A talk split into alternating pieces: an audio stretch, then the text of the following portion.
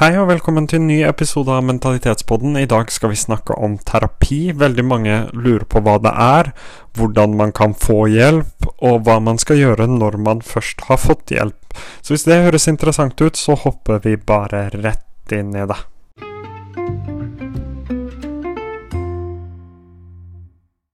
Terapi og det å få hjelp kommer i veldig, veldig mange former. Det fins veldig mange ulike metoder for terapi. Det fins veldig mange ulike steder du kan få terapi. Alt fra gruppeterapi, samtaleterapi, også kjent som kognitiv terapi, eksponeringsterapi, you name it. Man har veldig mange ulike former for terapi. Men hva skal du gjøre først for å få hjelp? Du føler du er på et sted der hvor du ikke klarer å få til ting selv. Du føler du trenger hjelp fra noen som er profesjonell, og noen som kan mer om det her, og at du føler du trenger hjelp utenfra. Det er liksom første steget, da. Å finne ut at dette takler jeg ikke på egen hånd. Jeg er nødt til å spørre om hjelp. Uh, og det er ingen skam i å spørre om hjelp. Det er veldig mange som ikke takler problemene sine i perioder på egen hånd. Jeg har aldri takla problemene mine selv før nå, og, da, og, det er etter at jeg har fått hjelp til å lære meg hvordan jeg skal håndtere dem. For man må huske at de som har studert for å bli terapeuter, de vet som oftest hvordan du skal kunne hjelpe deg selv. Uttrykket er 'hjelp til selvhjelp'. Enkelte ganger så er også medisiner et tema, men for de fleste så er det jo egentlig ikke det. Um, så er første steget er å si ifra. Om det er til helsesøster, til foreldrene dine, til fastlegen din, våg å si ifra. Gå inn, F.eks. til helsesøster, vi bruker det som eksempel, eller til fastlegen din, og si det at 'jeg sliter utrolig mye med meg selv'. De kommer som oftest til å spørre om hva du sliter med, og litt sånn, og prøve å snakke med deg om det. To grunner. Én, de vil vite hva som er greia. To, det er enorm ventetid hos psykiatrien, så som oftest så må du gjerne gå til fastlegen din eller til helsesøster eller til en helsestasjon i en periode før du får hjelp. I tillegg så har man en del lavterskeltilbud som man kan benytte seg av, som f.eks. helsestasjonen for ungdom er. Men tør å spørre om hjelp, tør å si fra, gå inn og si at dette er det jeg sliter med, jeg føler jeg ikke klarer meg selv, og jeg føler jeg blir veldig dysfunksjonell, at jeg ikke fungerer helt sånn som jeg vil, og helt sånn som jeg tror jeg skal. Begynn med å si de tingene. Um, Forklar situasjonen din, ikke vær redd. Og jeg skjønner at veldig mange er redd for at foreldrene dine skal vite om det. Eh, når du er over 16, så trenger du jo ikke å si det med mindre du er i Ja, med mindre du er livsfarlig for deg selv. Men du trenger egentlig ikke å si det til foreldrene dine. Eh, og hvis legen, helsesøster eller noen andre skulle ønske å si det til foreldrene dine, så må du skrive under på det. Men jeg vil anbefale alle å tørre å si det til foreldrene sine. For det er enormt mye støtte å få hos familien. De er glad i deg, de elsker deg, de vil bare ditt beste. Og av og til så tar de jo feil om hva som er ditt beste, men det kommer fra en rett plass, da. Uh, det kommer av godhet. De gjør det ikke for å plage deg, det kommer av godhet. Um, så når du har fått gjort den biten, da, turt å spørre om hjelp, turt å si ifra, så må du være motivert for å gjøre en jobb selv. Fordi ingen kan fikse problemene dine. En terapeut kan bare gi deg de riktige rådene og tipsene som du må benytte deg av for å få det bedre med deg selv. Det er hele ideen i terapi. De kan ikke fikse deg. Du må være motivert for å hjelpe deg selv. Og du trenger egentlig ikke å fikse så. Jeg syns fikse er et dårlig ord. Du trenger ikke å fikses, men du trenger bare å endre strukturene i dagene dine, gjøre ting litt annerledes. Så vil du få det så mye bedre med, med deg selv. For du er ikke problemene dine. Uh, problemene dine eksisterer, men du er ikke problemene dine. Du er ikke tankene dine, og du er ikke følelsene dine. Du kan kontrollere og beherske i større grad enn du tror dine egne tanker og følelser. Uh, og det var et fullstendig sjokk for meg, da, at jeg kunne beherske dem, og at jeg kunne bestemme hva jeg skulle tenke og føle i gitte situasjoner. Og jeg kunne på en måte velge vekk de følelsene jeg ikke ville ha, og de tankene jeg ikke ville ha, og så kunne jeg velge å ta inn over meg de følelsene og tankene jeg ville ha. Det var Det tok utrolig lang tid å lære, men det fungerte svært godt. Og mye av grunnen til at terapi fungerte veldig godt for meg, er jo fordi jeg var så motivert. Jeg hadde lyst til å gjøre jobben. Eh, så det må du alltid huske på, da. At du er nødt til å være villig til å gjøre jobben selv. Og så er det utrolig viktig at du tør å være ærlig.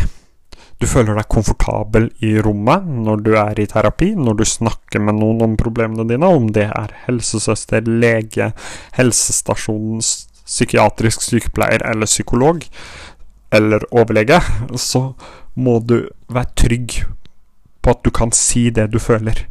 Dine tanker er ikke dumme, og veldig mange tenker at ja, personen som sitter på andre sida, kommer til å dømme meg. Kommer til å fortelle, tenke at han her er ødelagt, eller hun her er ødelagt. Kommer til å tenke at dette er bare galskap.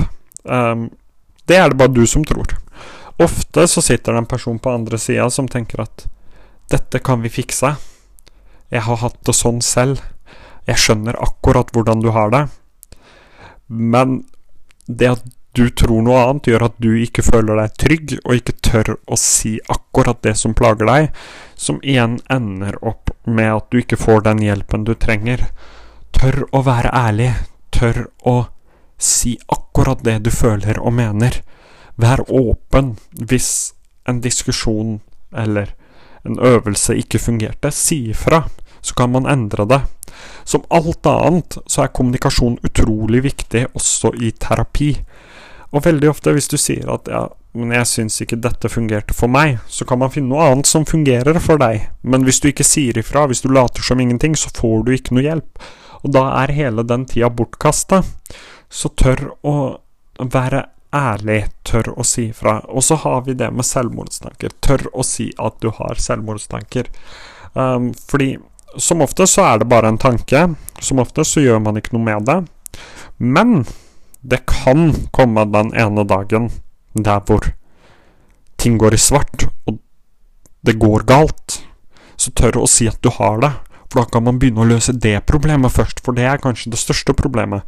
For det er jo ikke noe hjelp å få hvis du ender opp i terapi med å ta ditt eget liv. Så tør å si at du har selvmordstanker hvis du har det. Hvis det blir akutt, så kan du alltid ringe 116 123. Det er selvmordstelefonen. 116, 123. Hvis det blir veldig ille, alltid benytt av den muligheten. Fordi det å ta sitt eget liv, forsvinne, det løser ingen av problemene. Det at du forsvinner, problemene dine forsvinner ikke. Når bestevenninna mi tok sitt eget liv, så forsvant hun. Men jeg satt igjen, og vennene hennes og familien hennes satt igjen med en rekke problemer de trengte hjelp for. Uh, så ring 116 123.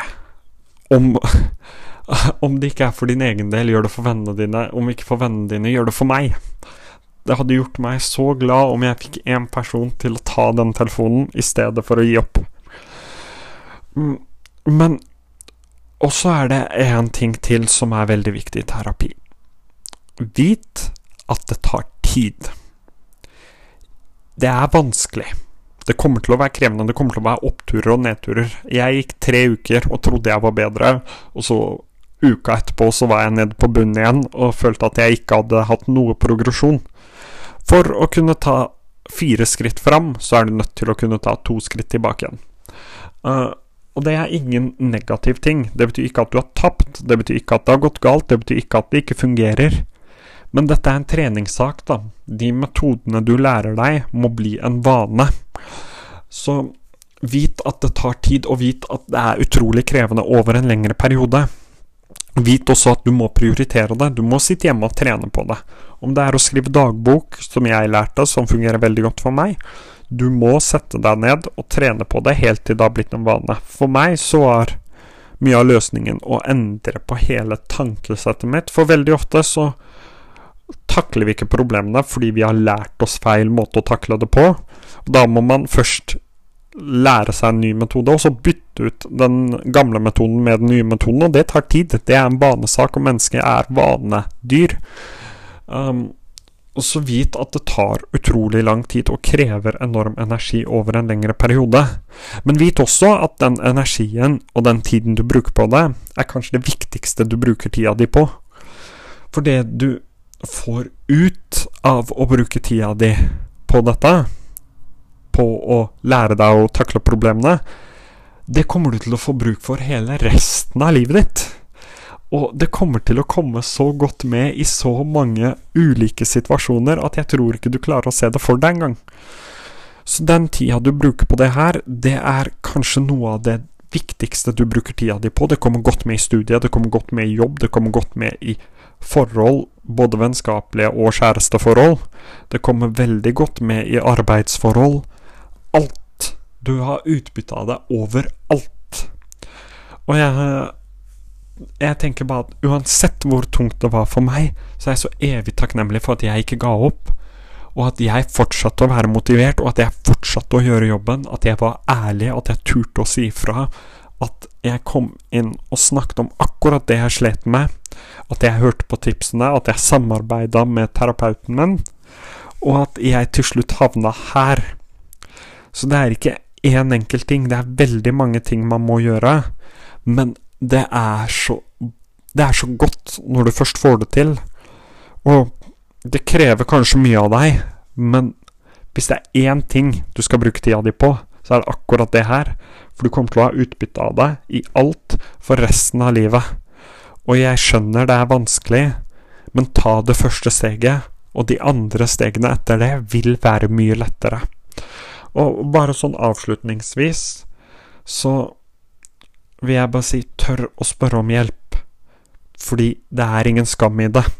Ingen takler alle problemene sine alene, jeg bryr meg ikke om hva noen sier, ingen gjør det, så tør å spørre om hjelp, og det du lærer der, kommer du til å få bruk for, overalt, hele tida.